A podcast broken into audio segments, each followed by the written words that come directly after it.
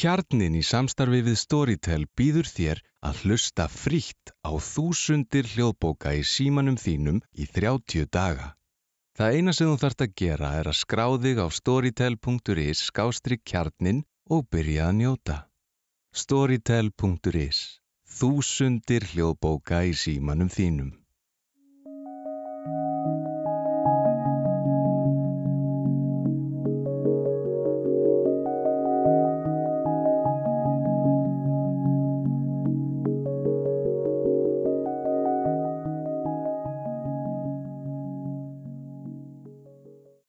Góðu hlustendur, þið eru að hlusta á Pottersen sem er hlaðvarp um Harry Potter og við erum hérna sískinin Bryndís Freyja Pettersen og Emil Hjörvar Pettersen. Hæ. Emil. Hæ, hæ. Hæ. Við erum, við erum á Skype og annarlega. Já. En það breytist í næsta, næsta skipti held ég. Af því að ég er að fara, já, ég er að fara að flytja til Íslands eftir tíu ári í Svíþjóð og eftir þennan þátt tökum við smá pásu af því að ég þarf að standa í flutningunum. Þannig að, uh, og við erum að klára fymtu bókina, þannig að við ætlum að byrja að fjalla um sjöttu bókina í byrjun desember, hlæði fyrstu vikun í desember. Og þá væntanlega verðum við í sama herbergi, er það ekki? Jú, býstu því? Já. Við erum bara hérna koma okkur upp góðri aðstöðu til að geta spjalla. Um, það, það verður doldið þægilegt að því að, að því að stundum þá það kemur fyrir að, að, að annarkvort okkar er svo spennt að segja eitthvað og talar óvart ofan í að þegar maður, en sem fattar maður ekki að hitt er ennþá að tala. Mm Þannig að það er svona stundum rekst á að þegar maður sér ekki svipbriðin. Þannig að við erum sérst ekki með myndavélun í gangi. Það er til þess að, til þess að hérna, lámarka trublanir. Um, en við, bá, við erum hérna uh, komin á 33. kabla. Númer hvað er þessi þáttur hjá okkur? 20... Uh, 25 held ég. wow. Þannig að, þannig að þau voru 24 síðast þannig að við vorum komin rétt, rétt, rétt yfir sólarring tala um Harry Potter þannig að hérna, það er margt eftir um, Og við erum sérst, já, að klára fönusregluna sem er femta bókin. Massíf bók. já, ekkert smá og það er rosalega spennandi í lokin Mm og við, hætt, við skildum við Harry og félaga síðast þegar Umbridge professor Umbridge var búin að klófesta þau Já. og hún er alveg brjáluð og hérna hún ætlar að hún vildi hvað fá upp úr hún heldur að Harry og félagar sé að njósna fyrir Dumbledore og eitthvað svona eða ekki Já, búið til eitthvað vopn. Þess að Hermæni uh, lígur aðinni uh, að sagt, þau sé að búa til vopn handa Dumbledore. já, Og hérna, Umbridge vil náttúrulega fá að sjá það. Og í 33. kapla þá sem sagt fara Hermæni og Harry með Umbridge inn í Forborn og skóin. Mm Þau segja að, þú veist, hérna, vopni sé þar. og þau lappa með henni alveg bara lengst, lengst, lengst inn og, og þú veist, hún náttúrulega bara eitthvað trúir þessu að, að þau séu actually að fara með hana að þessu vopni. Já, og svo endar þetta á því að þarna kentarunir koma, eða ekki? Jú. þau rekast að þá já er nefnilega, það er svo skemmtilegt það, hefur líka þannig verið fyrir bókum að eiginlega allt sem að kemur fyrir í bókunum það veist að segja þessari bók, þú veist, eiginlega allt sem kemur fyrir eins og kentar hann er áður hann það, byrjar alltaf að spinnast saman undir lokin. Já. einhvern veginn svona allt kemur fyrir. Já, það er ástæða fyrir öllu. Já, það er mjög flott sko. Þannig að kentarárnir sem að eru orðnir dálítið svona frekar ja, frekar, dálítið mikið hérna styggir. Mm uh, umkringja þau og, og Umbridge sem að og Hermione, það er eins og hún hafi séð þetta fyrir ná- náttúrulega, hvernig Umbridge er hún er svo hérna hún er með svo mikinn yfirgang Já. að hún byrjar að segja svona eitthvað, ég er að, yfir aðstöðarítari galdramálaráðuneytisins og þið kynble, uh, hvað svona kynblendingar eða blendingar ætti ekki að vera að tala svona við mig og það náttúrulega bara, þá verða kentar hann brjálaðir -hmm. Þegar þeir eru svo stolt, stoltur hérna kynstofn. Og hérna, og hún bara, það, þú veist þessi verður alltaf reyður og reyðari eftir því sem hún tala meira. en Já. síðan sko, verða, er orðin það reyðir og pyrraðir að hérna, þeir ætla líka að handsama Hermione og Harry. Eh, Hermione er stoltið svona yfirsást það. Já, um, en þá kemur grápur. Já. Sama- sem að Ha- Hagrid eða hvað, hálbróðir Hagrids eða ekki? Ég er ekki hálfbróður hans. já, Hann kemur hana og í rauninni bjargar þeim, að það ekki. jú, eða þú veist, Eða hann, svona... hann, hann er ekki að bjarga þeim, hann er að leita að Hagrid hann er ekki að Hagrid, Já, já, Hagrid og, og svo sér hann Hermione bara eitthvað, Hermi og, og hann ætlar að taka hana en þeim tekst að, hérna flýja. En kentur hann taka samt Umbridge með sér. Já, eftir þannig að sko að þegar kentaránir þeir vilja greinlega ekki ráðast á hann að fyrrabræði heldur hérna, þú veist, er hann, hann svona eiginlega slær og vart frá sér einn kentarán og það gefur kentaránum færi, bara heyrðu nú eitthvað, þú veist, og þá bara skjóta er eitthvað 50 örum á hann og þeir fara að slást hann eitthvað en eins og þú segir, hérna kentaránir taka Umbridge með sér og Harry og Hermione komast undan Mm og, þá eru búin að losna við Umbridge loksins og þau ná að fara hann út úr skóginum og, og rekast síðan á uh, hvað, Ron og Ginny Neville og Lúnu, Lúnu Lovegood. Já, Ron, Og- Ginny, Neville, já Og þau eru búin að sleppa frá hann að Malfoy þeim.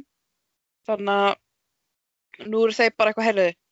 Að því að sko Harry var búin að sjá að Voldemort væri hérna búin að uh, væri hjá Sirius Black í galdramálaránitun í hann að uh, hvað heitur hún á íslensku? Department of Mysteries.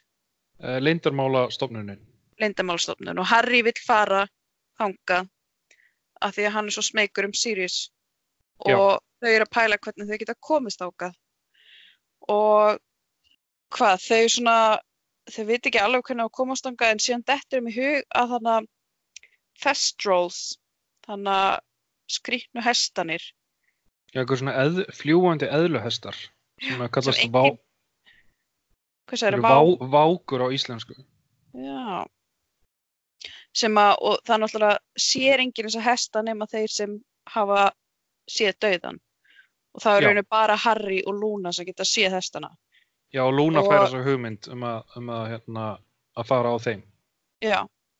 Og þeir koma hann alveg nokkrir hestar af því að, hvað, er, þeir finna eitthvað blóðlykt af Harry og Hermione. Já, Já. því að það hérna vall blóð úr uh, risanum yfir Harry Já, þeir, þannig þeir, að, mm hvað segirðu? Nei, ég ætla að segja hérna þau vita hvernig á að sitja fáka eða koma fram við þá uh, af því að Hagrid var búin að kenna þeim það. Já. Þannig að þú veist, það er ekki sagt beint út. Þú veist, alltaf að vera að tala um að Hagrid sé svona, þú veist, ekki nógu góðu kennari og allt þetta. En síðan núna þá, þá vita þau hvernig eiga að nálgast vákana og sitja þá af því að Mm. Hagrid kendi þeim það. Sem er, eða þú veist, hérna kennari í galdraskepnu fræðin.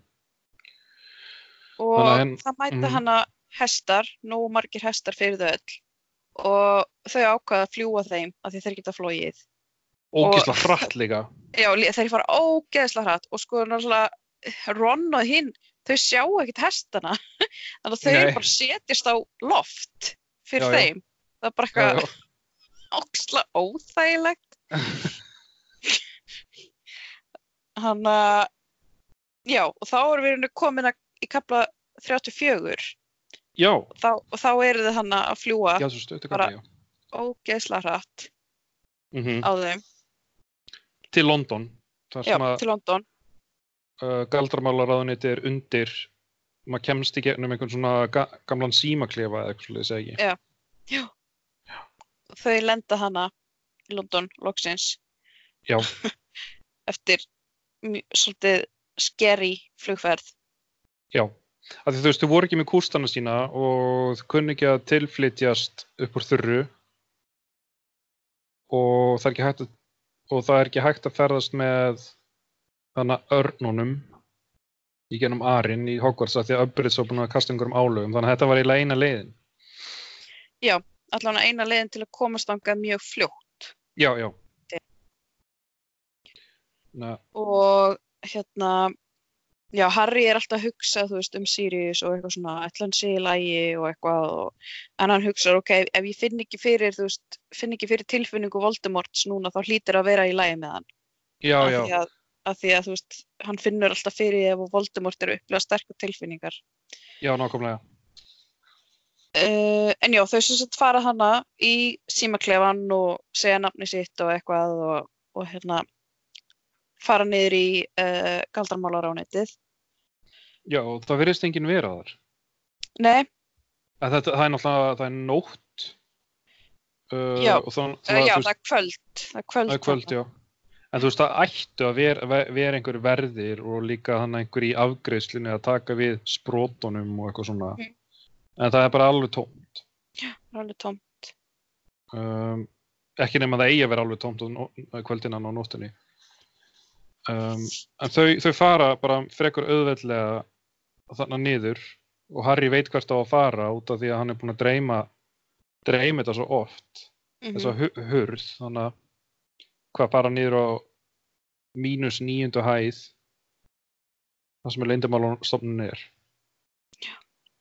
Og opna hana dyr og- en það kemur, er þetta ekki eitthvað svona ringlaga herbergi með 12 Jú. dyrum eða eitthvað Já, þau fara inn um hurð og svo eru fullt af hurðum. Já, hvað, tól, tólf hurðir hana. Og Mhm. Harry náttúrulega veit ekkit af því að sko þegar hann lappaði inn um hurðina í drömnu þá var það þá ekki hurði beint á móti. Jú, En svo náttúrulega, þá svo snýst þetta herbergi eða ekki. jú, Og Það þannig s- maður veit aldrei, þú veist, maður man aldrei hvað hurði hvað. nei en Hermione er náttúrulega kemur það þjóðráð að merkja þær og galdri þegar þau eru búin að prófa einhverjar þannig að þau byrja að fara bara í inn, inn um eina hurð hana mm og og Harry náttúrulega man eftir hva, hvernig það leit út að innan. Hvað, það var hérna, hvað var aftur? það voru svona fullt af hérna kúlum í hillum Já, það, það var samt herbergi á undan, eh, herbergi áttu ekki að fara inn um eina hurð og svo aftur aðra hurð. jú, jú, jú, jú, þau fara í gegnum hana Eitthvað herbergi með eitthvað klukku. Já, það eru klukkur og þannig og síðan hérna og síðan eitthvað svona einkennilegu svona hjúpur með ekki innan í sem að hérna eða þegar þau koma þangað þá hérna þá er svona eitthvað egg sem að klekst út og kemur fugl og svo fer fuglinn aftur inn í eggið bara svona alltaf svona endur tekur sig innan í svona hjúp Já. en áður en Harry fara man, já, þannig að Harry man eftir þessu og þannig að hann veit sko hvort að hurðin sem þau fara inn um sé rétt eða, eða raung. Og þau fara inn um hvað, eitthvað nokkru hurðir hana. já, þau, þau þau fara fyrst inn í það sem er einhver svona tankur með grænum vöka og heilum Já, heilar honum í grænum tank og svo faraði inn í einhvern sal þar sem að eru svona stallar það er eins og að sé að sitja á þeim og í miðjunni er svona einhver, eitthvað svona bó, bógadreiði hlið með blæði Já, já. ég er með spurningu um það á eftir ég, sko, man Ekki mikið- bara, ertu með spurningu fyrir mig þá? já, Ég, hérna, man bara rosa lítið eftir þessu, ég, ma ég man ekki nákvæmlega hvað þetta er. Ok að þú veist svona, að ég, að, já þetta er ekkit, að já allan að mig því bara eftir.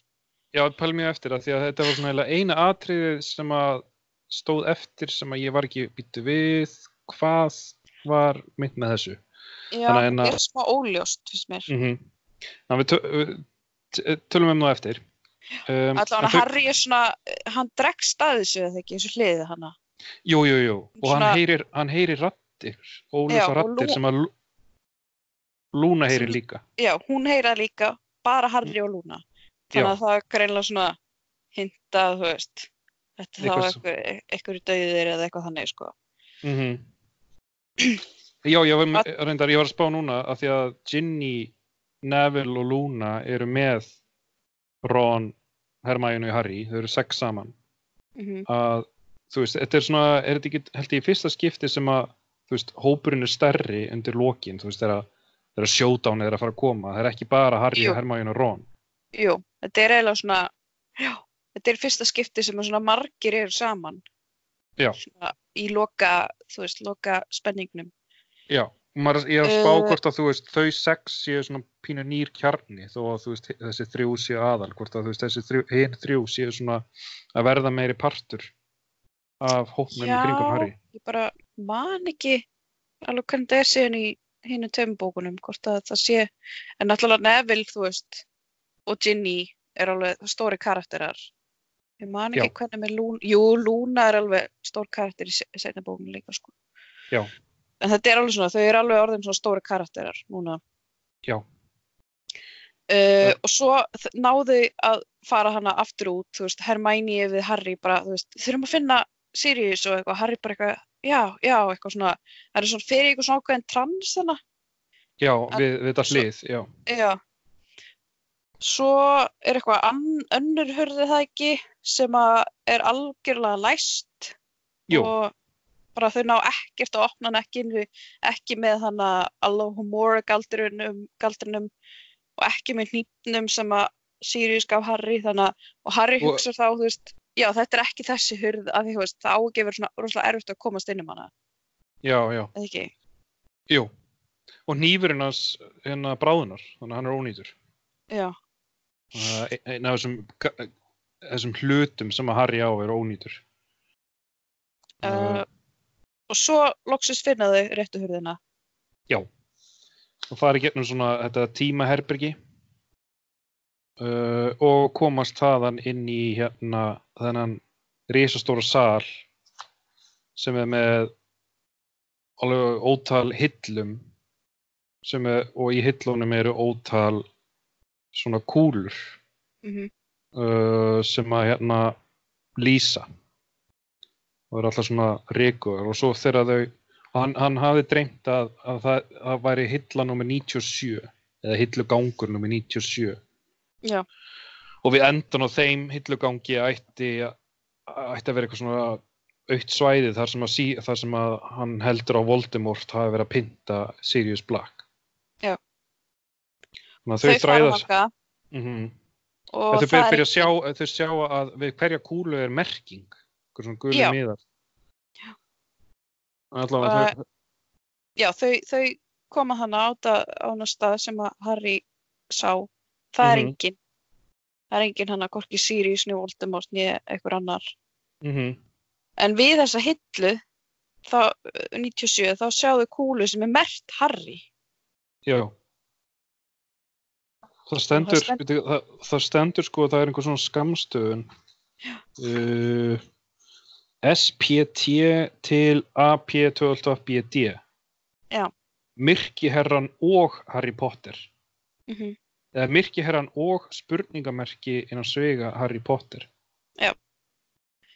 Þannig að uh, er ekki AP12BD, er það ekki, al, er það ekki Albus Dattradara Jú, Dumbledore? Albus, uh, svo man ekki hvað er meira Dumbledore. Já, ég veit hver SPT er Já. Mm núna. Já, já, já. Uh, ég-. Já, já, já. Uh, þannig að, og þau eru eitthvað svona, Harry eitthvað svona langar að taka kúluna. Já. Og þú veist, Neville og Hermione eru bara eitthvað, nei, ekki, ekki gera það, ekki taka þetta. Já. En Harry gera það samt.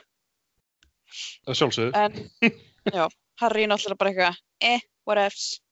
Já, Og, en þegar hann tekur kúluna, þá kemur rödd bakveðan sem segir, hann að, lát mig fá þetta.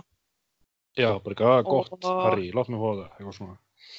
Það voru Og komið þá- kapla 35 og þá kemur í ljós að þetta er Lucius Malfoy.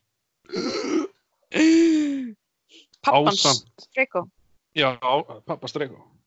A- Og hann er, þú veist, í kubli og grí, með grímu og ásamt 11 öðrum drápurum, eða ekki? Þau eru 12 Mhm. saman. Sem að umkringja unglingana og, já, þetta er alveg freka slæm staða, sko. Mm Og Og þarna er líka Bellatrix. Já, einmitt. Sem að pyntaði foreldra Nevils.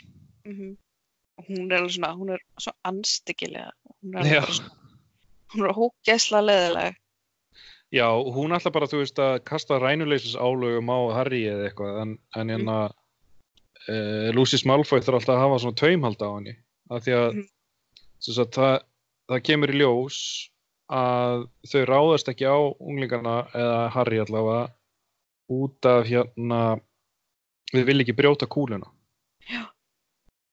Þetta er sem það sem að Voldemort er búin að vera sækjast eftir mm og þetta er eitthvað spádómur. Já. Spádómur greinilega um Voldemort og Harry Potter. Þannig að hérna og, og hérna og Harry drepur tíman eða neða svo hann, hann, hann gefur hann, hann vinnur þeim inn tíma með því að vera bara svona hann átta sig á því að að þú veist hann, er með brotættan hlut þannig að það get ekki ráðist á hann. Þannig að hann er svona að reyna að spyrja alltaf, já segi mér þá hvað þetta er. Og hérna og svona pyrrar þau. Þannig að þú veist Lucius Malfoy og Bellatrix fara að rífast og eitthvað svona og honum tekst að koma skilabúðum til áleiðis til Hermione uh, honum Harry um að brjóta hillunar í kring. Eða ekki? -hmm. en þá hefur þau náttúrulega brjóta fullt af spátum frá alls konar fólki. Já, alveg sami það. Já, já. En þetta er, þetta er eina leiðin svo, þau geta já, reynt að sleppa. Já, eitthvað svona búið til eitthvað svona uh, hérna eitthvað mess, þú veist, eitthvað chaos og eitthvað svona þannig að þau getur hlaupið í burtu. Já, af því að þú veist þau eru Og- sex, sex þú veist 15 ára á móti 12 drápurum. Mm en hvað segirðu? Nei, og svo hérna, svo eru þau já bara eitthvað svona að þræta hana og Malfoy bara ekki látt mig fá þetta og Harry bara ekki nei. Og svo hérna hvað, þau sprey, hérna þau brjóta allar kúluna hann og hleypi í burtu. Já, og hvað svo, svo fyrir bara í gang massa hérna atbyrðarás bara Ekkert þau smá. eru bara eitthvað þú veist, berjast á móti rosalega öflugum galdramönnum hana já og og þannig að það já, þannig að kemur sér vel að hann að Harry er búin að vera að kenna öllum, eh, ekki öllum heldur, þú veist, öll þau sem eru með honum voru í þjálfunni hjá honum mm í samvættu við myrkuöflin af því að Umbridge vildi ekki kenna verklegt þannig að þú veist Neville og Ginny og, og Luna og Ron og Hermione þú veist, ge geta kastað rænuleysis álögum frekar auðveldlega og varið sig og svona -hmm. en náttúrulega er ekkert næstu jafn öllu og dráparar en þau Nei. geta þú veist um, en þa þau hérna það Harry, Hermione, Ron nei, fyrir ekki, Har Harry ne Neville og Hermione sleppa inn í tímaherbergið þannig sem klukkunar og, og hjúpurinn er Mhm. og, og læsa dyrunum. En Harry held að hinn þrjú Ron, Luna Nei, og ekki, Ginny. Ron, og Ginny Já. hann held að þau væru þegar komin inn í herbergið. En það greinilega þú veist þau, þau hafa tvístrast Já. en eins og þú Og- sagðir núna upphefst eitthvað svaka svaka atbyrra sko. Já, ég bara, það er svo margt sem gerist, ég bara man ekkert eftir þessu, til dæmis svona einn dráparinn lendir með hausinn inn í eitthvað, og breytist í bat, hausinn hans breytist í batshaus. Ég bara eitthvað man ekkert eftir þessu, ég, þetta, er svo, þetta er svo steikt eitthvað. Það er fullt af algjör steik sem að gerist núna sko. Og ég meina að þú veist, það er alveg skri að þú veist, uh, sögu maðurinn eða þú veist, sögu röddin, þú veist, það er skrifað, þetta, þetta var stór furðulegt það sem var að gerast.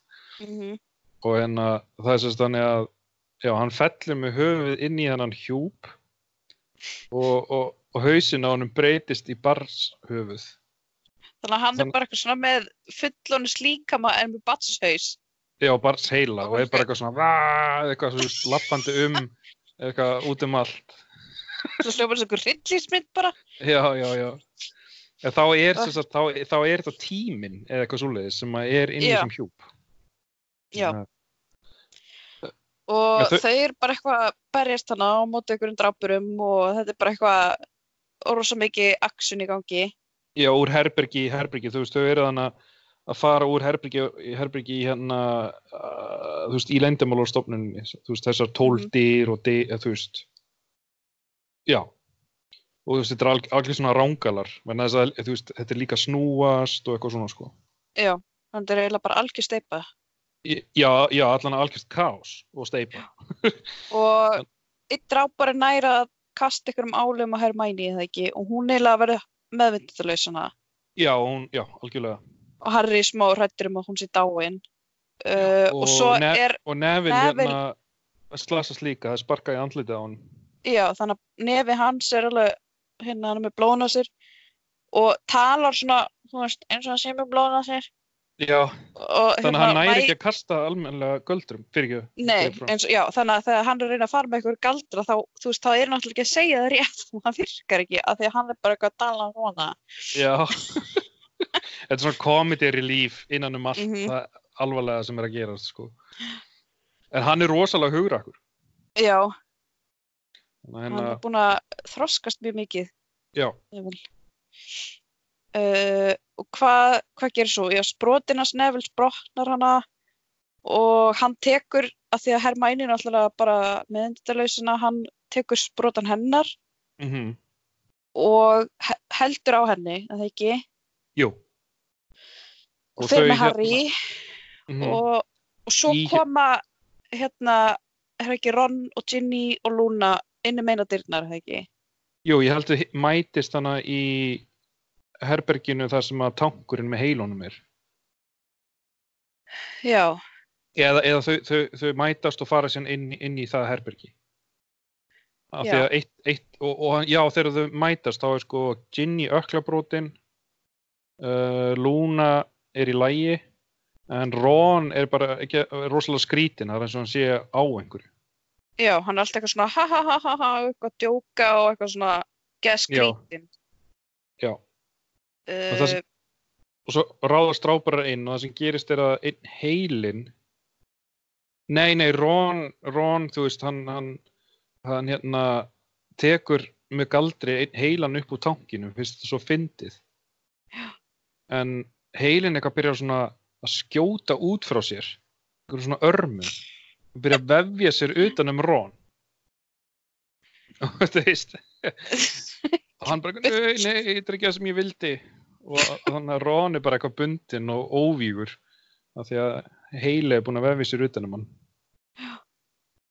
Þannig að, uh, og þaðan, þá, og Luna slasast líka, þú veist, þeirra drápar ráðast inn, og Bellatrix er komin, og þau eru bara nánast inni króuð, og það er í rauninni bara, og þú veist, Harry veit að þau eru eftir sér og þessari kúlu, þannig að hann í rauninni, þú veist, hann verður reyna að draga aðteklina frá hinnum uh, til bjarga þeim, þannig að hann hleypur út og Neville á eftir honum inn í þannig uh, herbergið með hliðinu, það sem blæjan, blæjan í hliðinu Já. í miðin, miðinni þannig þannig að þeir eru bara tveir eftir í rauninni Já. Er það ekki og jú, er það ekki? Og dráparinn er koma hann eftir þeim, Bellatrix og Malfoy, er það ekki? Og einhver Já. annar. já, og eru bara umkringja þá sko Já, og í þessu herbyggi allt í henni byrtast Sirius, Lupin, Moody, Tonks og Kingsley. já, það er alveg stór hluti fönixreglunar, er það ekki Já. og Og þau fara að berjast hana og hvað hva gerir svo? Harry er hann með kúluna hana. Já, það er bara, veist, það, það er bara svaka, svaka bardaði í gangi, sko. Já, þetta er bara bardagi Mm Og og Ha- Harry og, og Neville er að reyna að komast undan. Það er all, alltaf einhver, Lucius Malfoy kemur hann að reyna að grípa í hann. já, svo er einhver Eh. annar sem tekur svona utan um hann, það ekki? Jú, En Neville hérna næri björgunum með eitthvað. já, og þá fær Neville í sig einhver svona álög þar sem að fætinur á honum fara á fullt. Já, fara eitthvað svona að dansa. Já. Þess það er alltaf eitthvað svona komist sem gerist fyrir hann, sko. Og svo ætla Harry að kasta, nei, Nei, hann ætla að láta Neville, hann ætla að láta Neville fá kúluna eða hvað? Uh, ég man ekki alveg hvernig það var, en þú veist, hann, Harry er að reyna að hjálpa Neville í burtu af því að þú veist Sirius og Lupin þeir, þeir bara, þú veist, þeir verða að fara fariði og náði í vinn ykkar og fariði og en það sem gerist er að þeim bara þú veist, þeir missa kúluna Já, rennur spark, úr, já, hann sparkar inn, hún rennur út úr ykkur vas og hann sparkar í hana. já, hún brotna bara Hún bara smal, smassast hana og, og upp úr, upp úr kemur svona ykkur hvít fígura. já, sem er líst eins og sem er stór augu en það er ekki Og hægt að sjá hvers konar hérna fíkur þetta er Nei. Harry sér munnin á hann reyfast eitthvað en heyrir Mhm. ekki neitt og svo er þetta bara búið. Já. Og svo byrtist Dumbledore hana já og hann Harry kemur bara, bara Ha- Harry bara yes við okkur í borgið hérna og á ögur stundu já. kemur Og- Dumbledore Uh, Og hvað, hann- og Dumbledore Já, hann bara, þú veist, hann, hann bara, sa- hann bara, þú veist, tjú, tjú, tjú, þú veist, bara hérna, fleygir drápurunum til og frá. Og hérna, en það sem er að gerast er að, að Sirius er svo ákafur, hann er ekki búinn að taka eftir því að Dumbledore er komin, þannig að hann, s- hann snýr sér að Bellatrix, um, sem er frænkans eða ekki? Og, og þau heia hana einvíi eða er að heia einvíi og, og hérna Bellatrix skýtur hann á hann einhverjum svaka galdur hann er að, að beigja sig. Svo segir hann eitthvað, getur ekki gert betur en þetta? Og svo skýtur Bellatrix öðrum galdri á hann og bara í hann. Og hann bara fellur aftur fyrir sig. Bara döður hann er bara dáinn. Já. Nei! Já. og hann fer inn í fer innan um þetta hann að boga eða ekki? Jú, það er svona, sko, fellur hann inn í bógan, eða inn í hliðið, eða, eða dregst hann ángað. sem aged fall his body hver... það er bara eins og hann bara detti eitthvað inn í inn í bógin, ég veit eitthvað svona, Já, eða hver, já, hverfur þangað. hver, hverfur þangað inn bara Já, og Harry Og- að reyna að ná í hann og svona. Já, Harry er að svona býða eftir að hann komi og kalla Sirius, Sirius, en lúpin er þannig að bara segir Harry, þú, get, þú getur ekkert gert, hann er farin.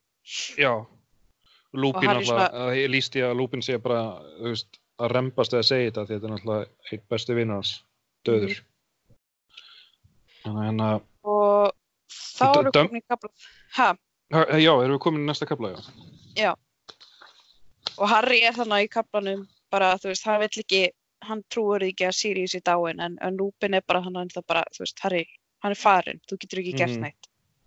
Og Harry er bara brjálaður, sko, Já, já, og Dumbledore hérna er að sa safna saman hinnum en Bellatrix nær að hlaupa burt eða ekki. jú. Hún er að komast út.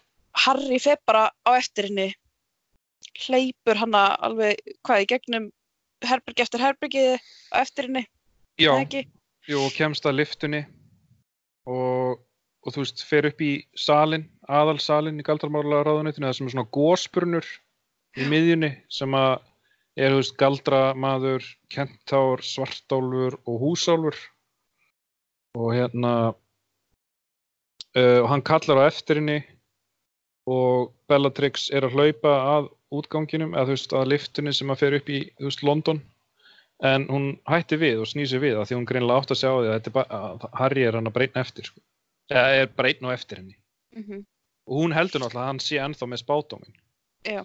af því að hérna, fyrirskipinu frá Voldemort var að ná spátóminum og hérna uh, uh, Hún segir við hann, hvað er með þetta? Og Harry bara eitthvað, ég er ekki með neitt, ég er bara, er, hann brotnaði og hún náttúrulega bara eitthvað, ó nei, þú veist, að því að þetta var skipun þeirra og hún er Mhm. hrættum að Voldemort muni, hérna, muni refsa sér já, og svo mætir Voldemort hana já og, og og, og, Og spyr hann- bara, braustu spádómið minn? og Harry bara ekki, já og þá, all, þá er Voldemort bara búin að fá nóga Harry Potter og hann ætlar bara að drepa. Já.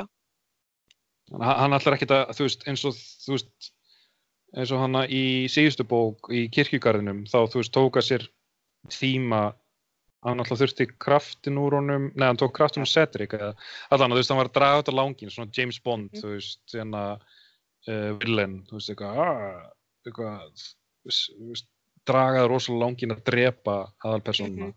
en núna ætlar, hann ætlar bara að gera það og hann skýtur á hann Avada Kedavra eða ekki Jú.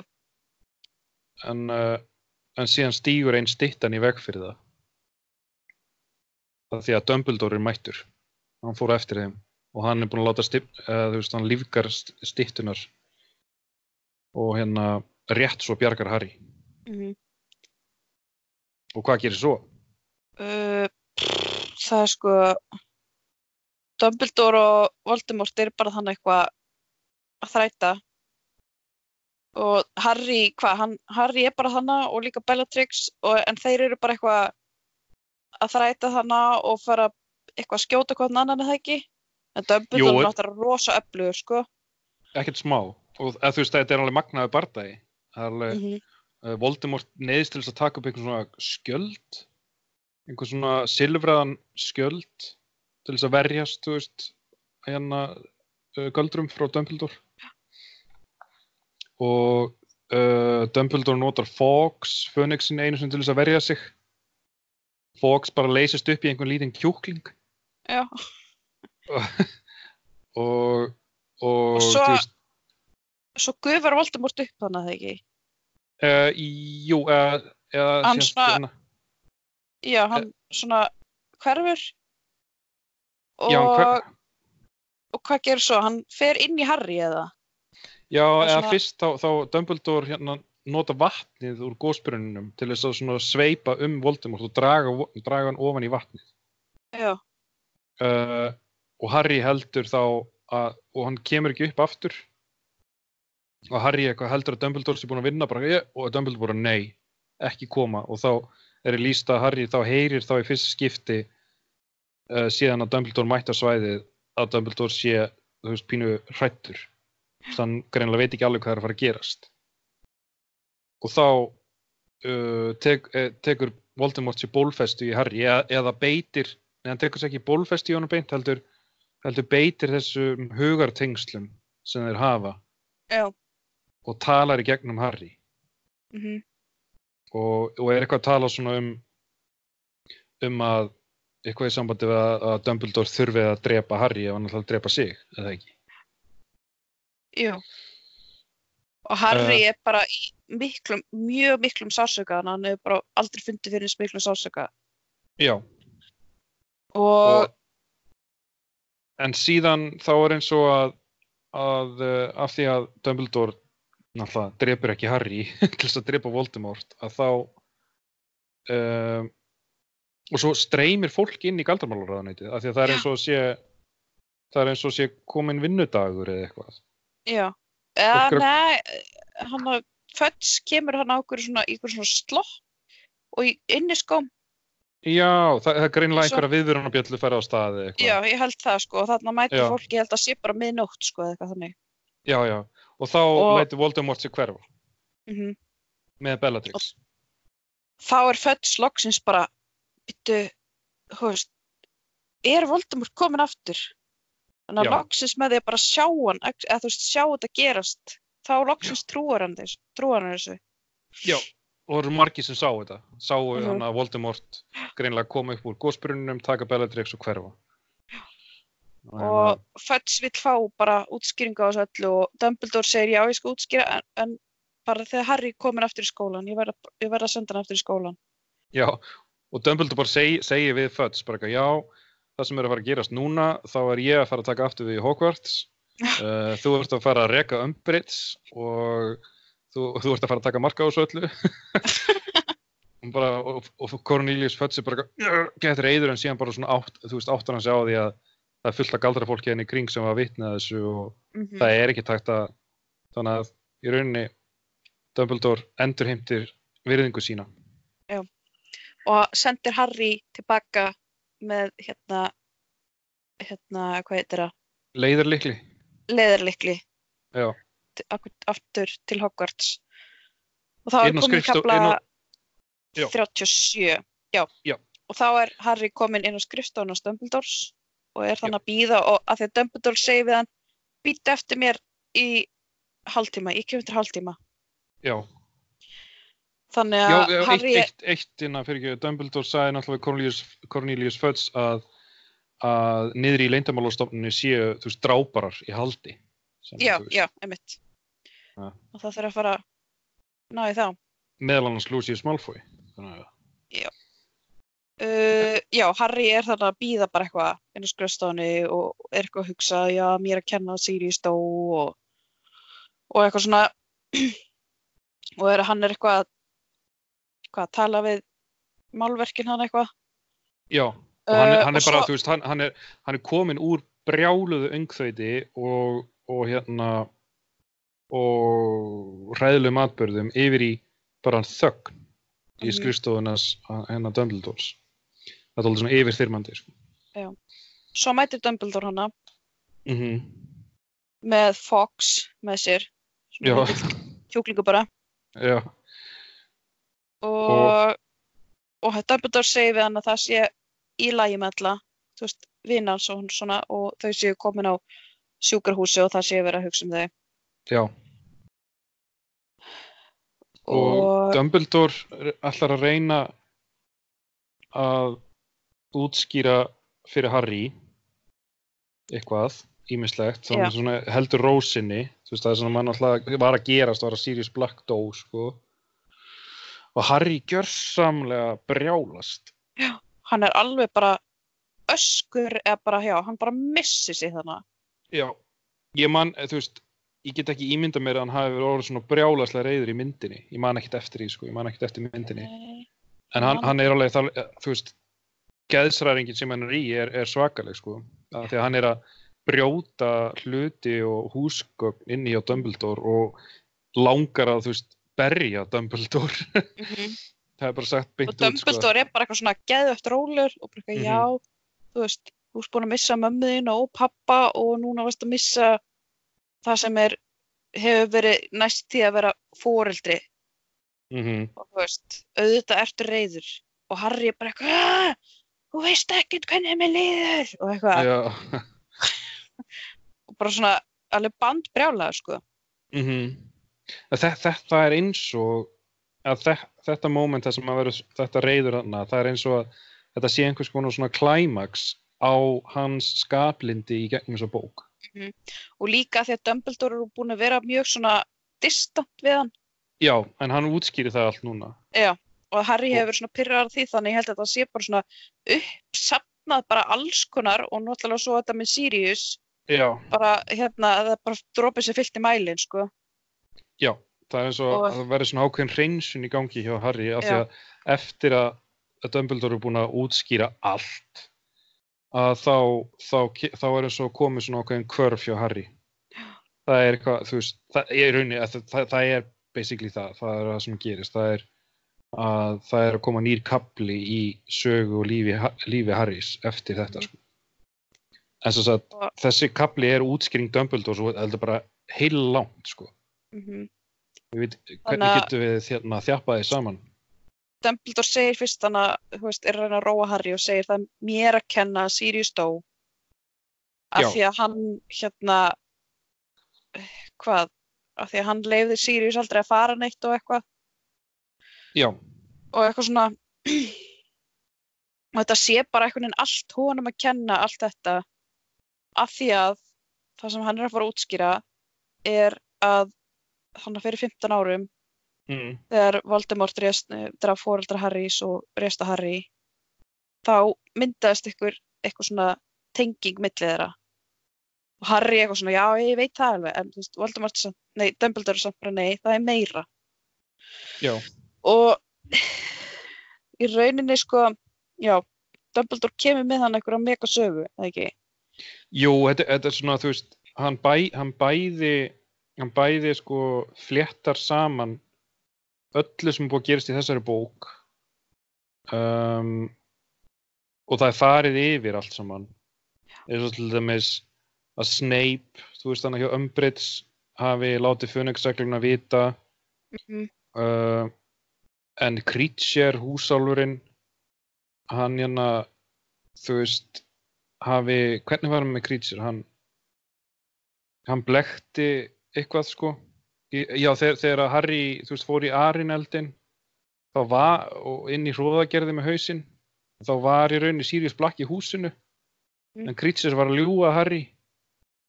Þannig að þú veist að það, það er svona alls konar þú veist, orsök og afleiðing bókarinn er útskýrið gennum Dumbledore. Mhm, og svo fer hann í þetta eins og þú segir hérna með, með hérna og Dumbledore var með eitthvað svona svaka plan í kringum Harry þú veist, hann fór með hann já, út af því þú veist, þessi, það sem kemur fram í fyrstu bók er með þannig að uh, af hverju Voldemort gat ekki drepið Harry er út af móðrástinni móður hans fórna honum fyrir sig. Já, uh, fórnaði, fórnaði sér fyrir hann segi þannig að ástæðan fyrir að Harry var settur í runnaflöt er svo að þú veist Petúnia sýstirinnar er er þú veist með sama blóð þannig að varnar álögin sem Dumbledore kastaði yfir runnaflöt eru veist, sterk og eru viðvarandi sem að tengjast þá þessari móðurást þessum móðurást kröftum og Já. það er ástæðan fyrir að Harry er búinn að vera þann og, og Dumbledore viðurkennir að þú veist hann var með áhyggjur af því að Harry er þetta bara skemmtur eftir Mhm. að vera á dörsleifjölskyldinu en síðan, síðan er Dumbledore alveg bara svona hann er rauninni bara svona eis út, út tilfinningunum sínum og rauninni segir hann og sé vænt um Harry og allt þetta. Og, og hann fer í gegnum hvert ár hjá honum. Já. þú veist eitthvað, já, það, með aldrei gruna að þú hefði getað ráði við Voldemort á fyrsta ári og síðan eitthvað öðru ári en síðan var, er eitthvað eitthvað eitt atrið í öllum, öllu þessu plotti hans í kringum Harry Potter að halda honum örugum og allt þetta. Það er eitthvað eitt sem hann sagði honum aldrei mhm. sem hann ætlaði alltaf Og að hann- segja honum Hann fannst hann aldrei vera tilbúin til þess að heyri þetta. já, hann, hann var alltaf að vera að fresta því að segja Harry þetta. já, Svo núna finnst hann vera tími komin að segja hann frá þessu. já, og- já, já og það, það tengist þessum spátómi Já, og hann sem sagt Dumbledore, þannig að áður en Harry fættist, fór til spákonu, sem er hann að Trelawney, eða ekki? Jú, sem var síðan kennari í Hogwarts því hún var, sæk, hún var að reyna að fá stöðu í Hogwarts. Já, og hún Þannig- kom með spátóm að, sem sagt, að, að hinn myrki herra uh, myndi að, að eitthvað eftir, eftir eitthvað í, í, í lok sjönda mánar mun hérna eitthvað fæðast sem að mun vera jafningi hins myrka herra eða eitthvað þú veist. Já, eða ekki, Hve- hvernig er þessu lýst? Þannig að eins og í manenda þá var sko eh, þetta er á þeim tíma sem sem stri, fyrra stríðir er í gangi sem Voldemort er. Já, já. E- Inna, já þannig að hérna Trelawney kemur með þennan spátumann upp á efri hæð hérna gilda nei, villi galtarins að hérna, annars, hérna skuggalegi barinn í já, Hogsmeade. Já, emmi og hérna e, og hún segir já að hinn myrk að það, það, að það muni fæðast drengur í júli uh, sem er jafningi myrka herrans myrk, og myrki herran mun merkja honum mun merkja Já. í rauninni. Og og þeir verða óaskild já, og hvorur getur lifað með nei, hvorur getur lifað meðan hinn lifir. Þannig að þú veist an, annar þeirra verður að deyja svo hinn getur lifað. Já, nákvæmlega. Sem þýðir að í rauninni annar hvor verður að drepa hinn. Mm og Dumbledore var ekki sko Neville er líka fættur í lok júli og á foreldra sem að neituðu voldum uh, hérna, Ko- komist undan Voldemort þrisvar. Já, Já, það var partur af spátónum að þannig að barnið sem fæðist á fóreldrar sem hafa komist undan. Þannig að sö- sömu aðstæður átt við Harry og Neville. Já. Þannig að hérna, en, en, en Voldemort heyrði bara part af þess að var Voldemort hana á sem bar? Nei það var einhver útsendari frá honum sem að heyrði, já, útsendari sem heyrði bara part af þessu. Já, og út frá þeim parti þá var Voldemort búin að ákveða að þetta væri Harry og, en Harry er eitthvað að spyrja Dumbledore en gæti þetta verið Neville en, en Dumbledore segir nei það, þú veist you are the chosen þú. one. já, Þannig að það er bara Harry er the chosen one. mm Svona ekta þannig minni. En, hérna, en ég held að parturinn sem að Voldemort heyrði ekki var loka parturinn um þetta að uh, annar þeirra verður að drepa hinn. Já, það er það sem það, það þarf hann að hann þarf að vita hvernig þú veist, hvað, já hann veit Já. þetta ekki Og þannig að það, já, ástæðan fyrir að Voldemort vildi fá þennan að, að, spádómurinn í leyndamálastofninu var spádómurinn í heilsinni. Já. Þannig að og Voldemort þurfti á honum að halda til þess að Já. bara geta sigrað allt eitthvað Já, ski, skilið bara aðstæðan og skilið af hverju hann Já. gæti ekki drepið Harry. Af því að, að Dumbledore segir að eftir Voldemort um, reyndi að drepa Harry en veist, það bakkvæjarast á hann sjálfan og hann, veist, var næstu döður sjálfur. Mhm. og þá var greinlega eitt af því sem að Voldemort ágirtist var spátumurinn í heildina þannig að hérna eftir að hann, veist, náði að að fá líkama aftur og þá var þetta eiginlega hans fyrsta fyrsta takmark að fá að heyra hann að spátum í heildina og svo, þú veist, akkurat, þú veist, eitthvað byggja veldist nýju út frá því. Þannig að það var svona það er svona megin plottið í bókinni sem er núna afhjúpað, þú veist Mm. að hérna þannig að basically Harry, annarkvort þar Harry að drepa Voldemort eða Voldemort, Voldemort að drepa hann. Þannig að núna, einmitt, veist, eftir allar þessu útskýringar og Dumbledore, og já, Dumbledore líka, þú veist, byggst afsökunar á hversu, hversu hérna, fjarlægur hann hefur verið, þessu að því að, að því að sko Dumbledore var hrættur út af þessum tengingum millir Voldemort og Harry. Hann var hrættur um að Voldemort var að ná ykkur svona tökum að Harry geti verið að njóstna um Dumbledore eitthvað þannig. Að Já. því að, Voldem, nei, að því Dumbledore fann fyrir þessu í svona Harry, hann fann fyrir hérna nálað Voldemorts í augunum hans og eitthvað. Og Já. þetta útskýr líka það að Harry fann fyrir ef hann horfði beint á Dumbledore þá fann hann fyrir hann þessari svona löngu til að ráðast á hann. Já, þannig að þess vegna, þú veist, Dumbledore var, að átti, halda, Dumbledore var að halda sér í fjarlæg út af þessu. Já, og hann vildi, já, eitt líka, hann, í gegnum bækunar, þú veist, Dumbledore lítur eiginlega nánast á Harry sem son sinn, þó Já. að, þú veist, að, hann kynnist honum bara, þegar Harry kynnist honum þegar hann, þegar hann er 11 ára, uh, en Dumbledore kemur útskýring, útskýring á því að hérna, hann held, sé, veist, hann held ákveðinni fjarlæði millir sín og Harrys af því að Dumbledore efaðist aldrei um að Voldemort uh, væri endanlega horfin. Já. Þannig að hérna, hann var hrættur um að, að hérna, að, að sína ómikil tengsl við Harry að veist að það gæti skapað einhverja veikleika og eitthvað svona. Uh, þannig að þú veist, eftir allar þessar útskýringar og afsakanir og, og þannig, þannig að línast Harry. Mm og hérna, hann svona róast allavega. Hana já, róast allavega og, og hérna, er náttúrulega ennþá reyður yfir að Sirius Black sé dáin en hérna, en núna er Harry með nýja vitnesku um, um sitt hlutverk sko. Já. og hérna, og hvernig á Og- að taka og þá bara, þú veist, hvernig á að að takast á við það? Mm uh, þannig að uh, já, ég held að þetta er svona í grunninn það sem að Dumbledore segir, að þetta er svo mikilvægt allt saman sem hann segir, þetta er eiginlega bara svona tóldi mikið svona svona hverfi í allir sögunni. Útskýri svo margt.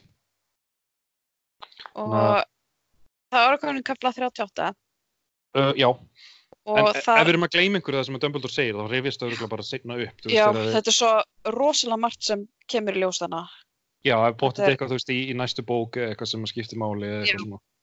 En þetta er svona kannski aðal aðal útskýringin. Mm og það kemur grein í spámálstíðindum það sem er bara sett Voldemort er komin aftur. Já,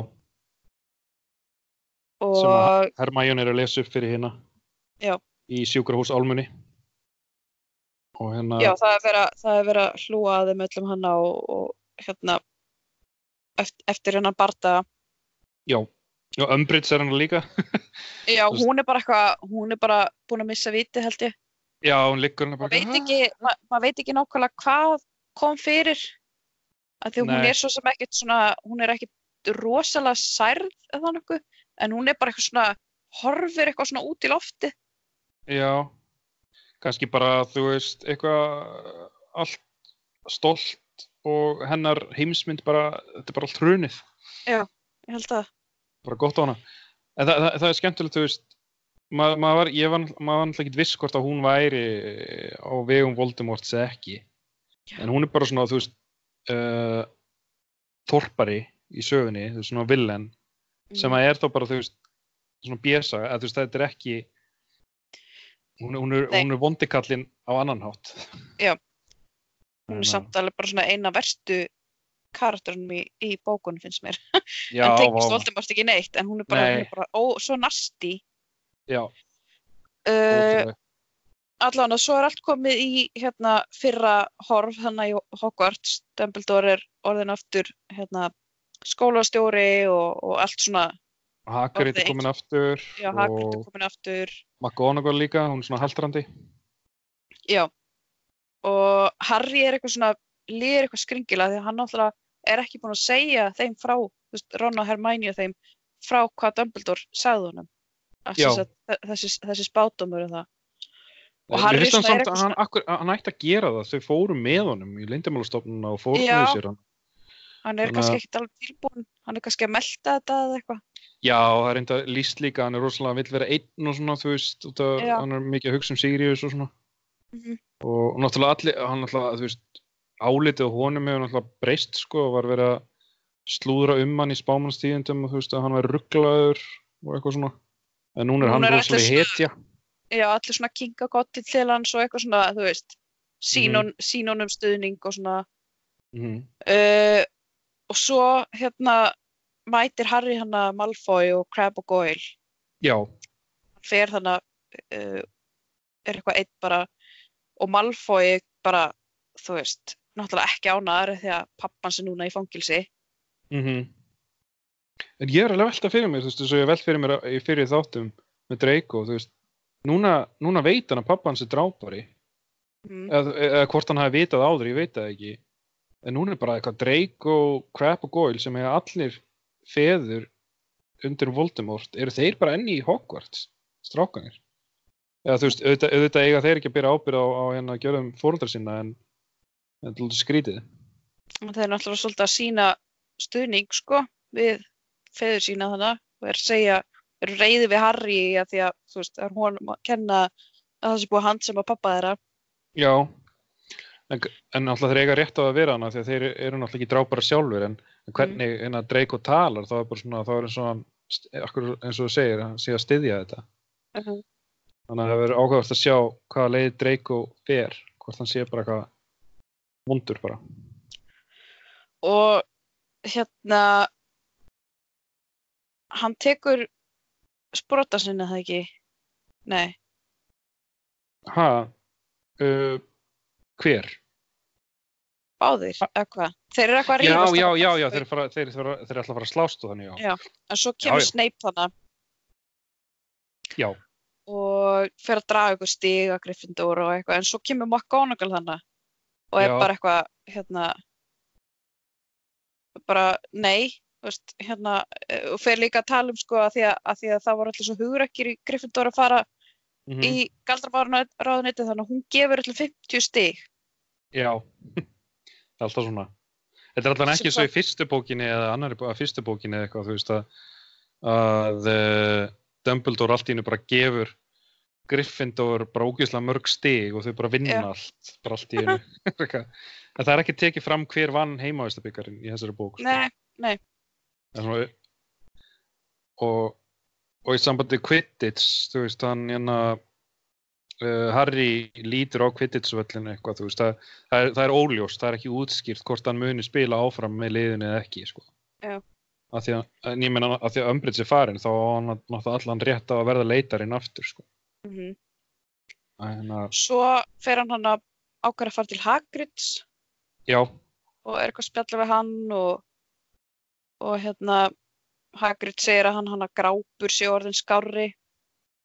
Já, og Harry eitthvað svona er þarna en samt vill eiginlega ekkert vera þarna, hann vill eiginlega bara vera einn, já, hann er bara skildurækni að, að heilsa på Já. Hagrid. eitthvað heilsisbán og svo er hann eitthvað, herði, ég þarf að fara að hitta Ron og Hermæni og fer bara.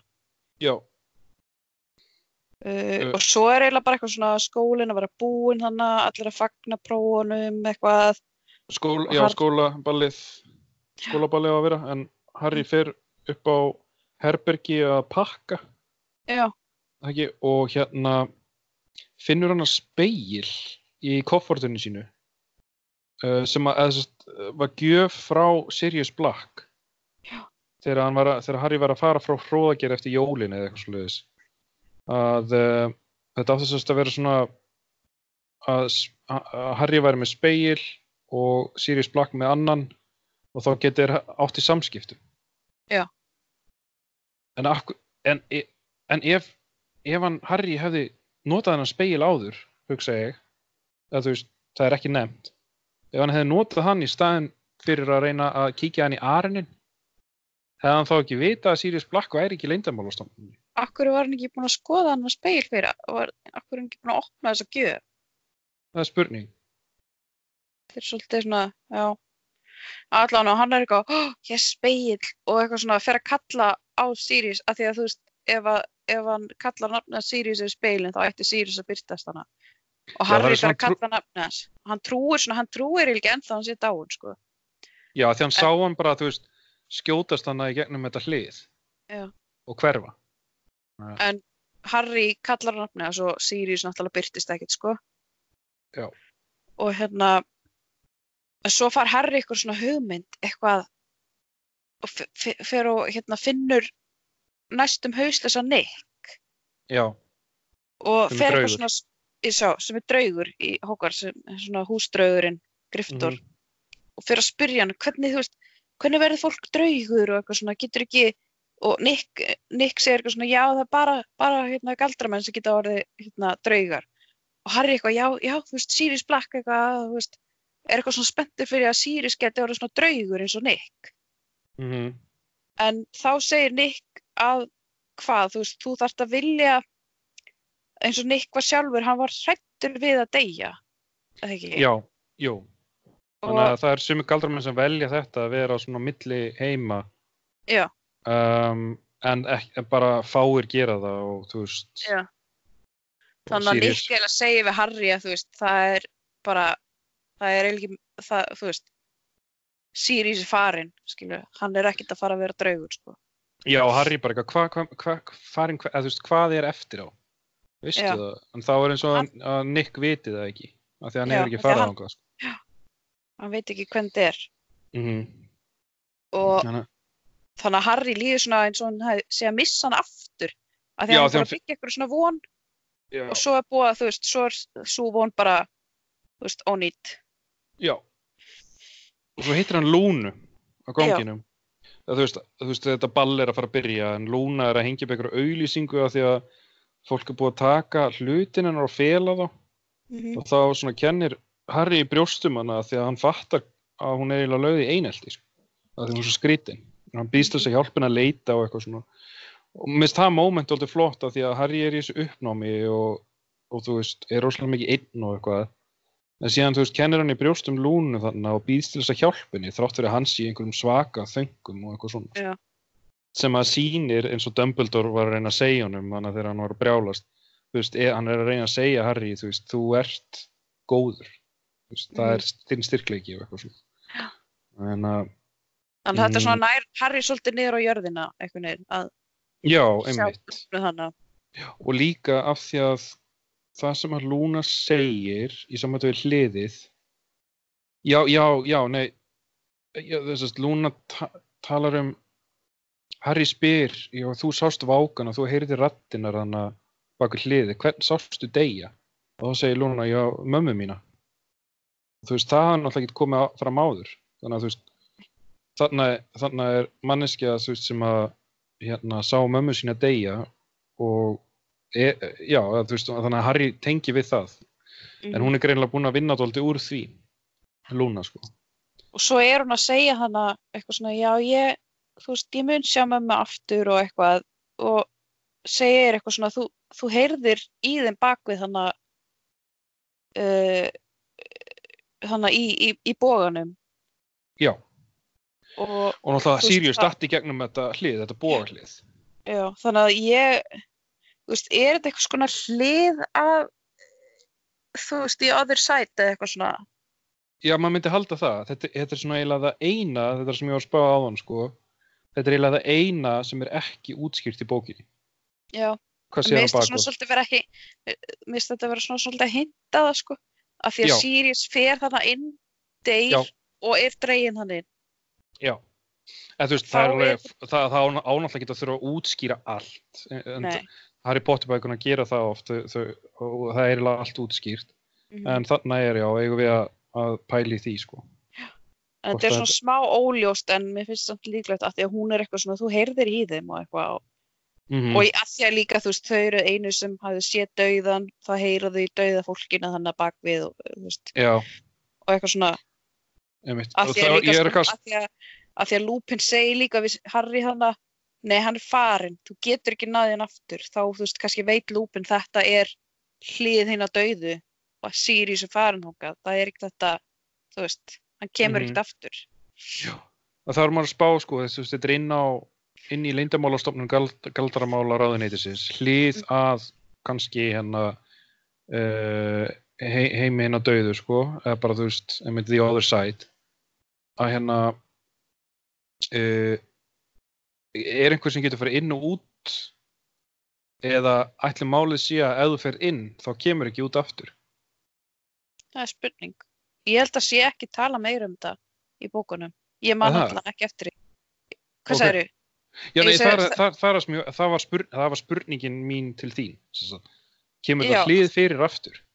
ég, mér rámar ekki sko Nei. það, ég, mér, ég held ekki sko Nei. samt ekki 100% en ég held Ég- að þetta koma ekki eftir við sögu líka því að þetta er þannig á í galdramálaráðunitum þú ert að hafa fyrir því að fara hana nema Já. að sé eitthvað annað hlið, ég veit það ekki en en skríti svona að sé svona að gera svona mikið úr þessu sko Já, hlið, ég ætla, ég ætla að googla þessu þegar við erum, bú, búin Já, í bæk, gæ- bækunar, alla, alla, verið- allar bækunar sko. það gæti verið ég sé að gleyma eh, gleyma því að þetta hafi komið fyrir ég veit það ekki Já, allavega, allavega, svo er bara þau eru að fara þarna í, í lestina. Já, og já, það er hókvæmslistina og, og Draco reynir að stríða en þú veist, þau hérna, þau verjast því, þau Mhm. borða hana súkulaði og nammi og þú veist, það er svona pínu stemning eins og þú veist, er í Já. fyrstu bókunum. og Tjó lappar hana framhjá og Harry, auguð er að mætast og Tjó eitthvað svona bara Rónar lappar í burtu Já, og þú veist, og Ron spyr hvað hva er í gangi mill ykkar? Og Harry segir bara ekkert. Já, og Hermione fer að segja að hún sé að Tjó sé uh, að hún har heyrt að Tjó sé að deyta einhvern annan núna. Þannig að Harry og Tjó það er bara búið sko. Það er bara búið. Svo kemur svona, og Ginny er líka hætt með sínum kærasta, allan sem hún var með.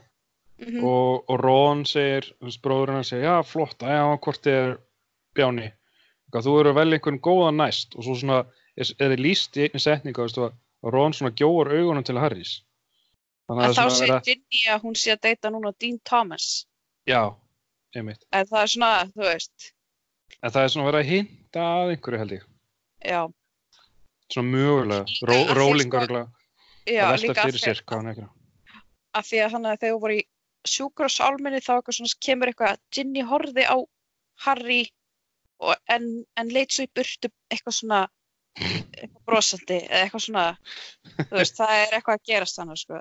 Já, já, það er samt ekki sagt ómikið, af því að með grunar róling sé svona að ákveða þetta, kannski. mm En að, um, allavega svo mætað hana og er komin tilbaka og þá eru hérna skröggur og tongs og lúpin og Weasley hjónin og Fred og George býða hana mm og taka Og- mótið já, taka mótið og þau segja við Harry að þau vilja tala við Dursley hjónin Já.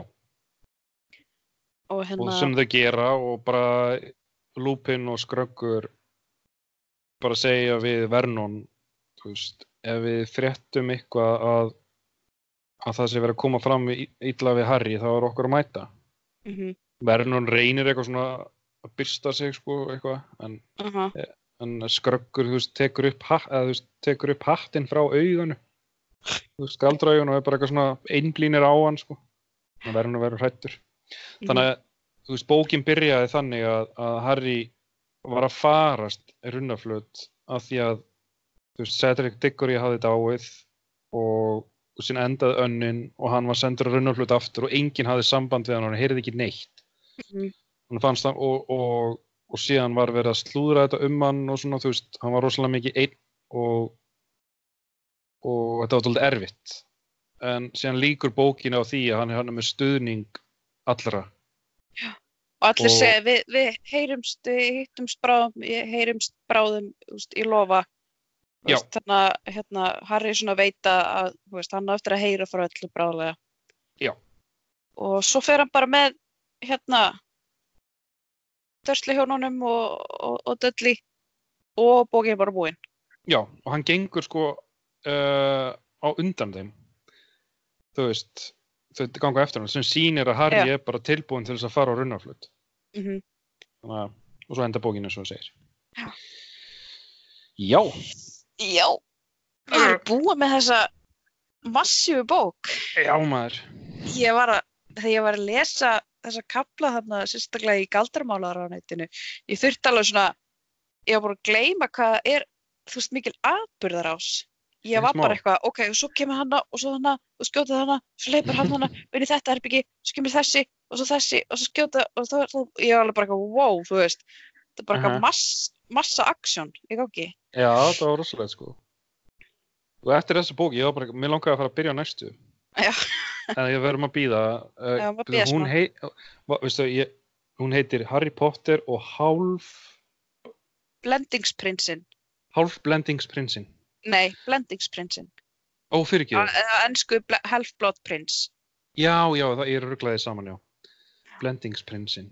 Ok, ég veit, ég, ég hef oft sagt áður í þessum, þáttum að ég er bara, að ég veit ekki neitt og svona. En ég held í alvörunni að ég viti ekki neitt um sjöttu bókina. Og, og líka sko, ég, ekki neitt um myndina heldur. Ég man ekki eins og eftir að hafa séð hana, ég, þannig að ég, Þannig að þú ert alveg blank. ég er alveg blank og ég er frekar spenntur, sko. Er hún jafn það? Nei. Uh, allan að sko þegar ég líti á íslensku bækuna, hún er, er þykk en hún er ekki eins þykk og Fönixreglan. Fönixreglan er lang lengst sko. Já. En hin- hinnar tvær síðustu eru líka mjög massíu sko. Ég, ég hef lesið þær sko ég held ég að ándjóks lesi bara sjött og sjöndu einu sinni. Já. Af því ég var orðin það gömul sko. Ég, ég var ekki svona obsessed eins og ég var. ég var alltaf að lesa langt. aftur, aftur, aftur Já. og ég svona, ég var alveg svona, þú veist ég var ekki, að maður var komin þennan aldur og maður var ekki alveg að nenn að lesa hlutina aftur bara strax og eitthvað þannig. Nei, akkurat. Er það segja mér að þú hafir, þú veist, eins og, eins og fjóruða, eh, þú veist, þú varst búin með bók, byrjaði bara aftur. ég, ég, þetta, ég, þetta var eitthvað tímabil hann að ég var að býða eftir fymtu bókinni. Já, og ég var ofta spennt og ég var svo fljóta að lesa fyrsta, aðra, þrjá, fjórða. Og ég bara svona ælis þetta bara aftur. Eitthvað, þú veist, ég veit ekki hvað ég var að ég bara eitthvað, ég veit ekki hvað ég var að pæla Já, það eh, er Æ, margt samt hægt að gera. en maður var samt stundur svona sem krakki að maður eitthvað svona horfði á alltaf á sömu myndin eitthvað aftur já. eitthvað svona Akkurat. þannig að þetta var bara svo skemmtilegt maður fekk ekki nóg allan að sjött og sjöndu bókin sko ég er bara ég man Mm. svona ég man það helsta en, já, en hann svona ja, sérstaklega í sjöttu bókin það er svona ákveðin atri sem maður man eftir já, ok. Þannig ég ætlaði að mynda að spyrja það, manstu alveg eitthvað eftir henni? já ég, allan svona það er já ég ætla ekki að vera að spæla Nei, ekki, ekki gera. Eh, Blendingsprinsin, ég hef ekki hugmynd um hver það er, sko. Þannig að, um, ok, þannig að uh, þetta er, við setjum Potterson á örlitla pásu má, í mánuð. Þannig að við hoppum hana yfir eitt skipti allavega. Mm af því að ég er að fara að flytja heim og, og þarf að pakka og kvöldin og allt þetta. Um, uh, alveg heil búslóð frá Svíþjóð til Íslands. Og hérna og ég held að við byrjum þá bara sjöttu bókina um mánamótin og, og tökum upp næsta þátt í fyrstu vikunni í desember. Ljómar ekki bara vel? Flott er um, Já, við erum á kjarnanum á Storytel og Facebook Já. hérna og ef ekki bara já, e, ég meina ef, ef einhver vill hafa samband og benda okkur á eitthvað Við erum að gleyma ykkur. Þannig að alveg líklegt um að vera að gleyma ykkur núna og svo mikið að gerast. Gleyma En einhverju ég held eða, sé... Já, eða, eða sé eitthvað vittlust. Eða, eða einhverja pælingar sem um, y- okkur er yfirsést. Uh, þá held ég bara best að sambandi gegnum Facebook síðuna veist, senda message um, ok, takk fyrir þetta Bryndís, Bryndís. Við fyrir bara. Já, Já, heyrumst. ok. bye bye Bye.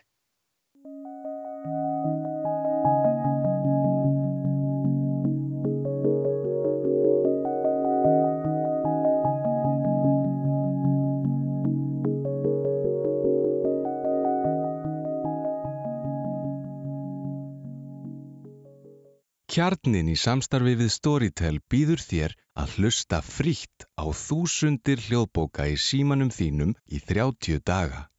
Það eina sem þú þarft að gera er að skrá þig á storytel.is skástrík kjarnin og byrja að njóta.